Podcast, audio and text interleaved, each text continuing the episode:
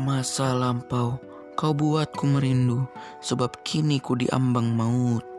Ragaku rapuh dan perlahan hancur. Tingkah laku mereka bagai gagak hitam memberikan sinyal bahwa ajalku hendak datang.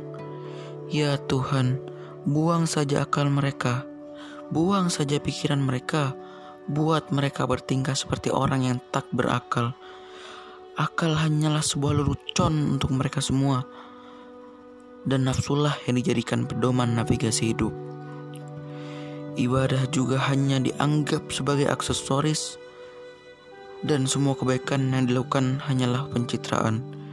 Wahai sahabatku Adam, mengapa anak keturunanmu begitu tega, berlaku bejat dengan penuh semangat, membuatku cacat dan murka.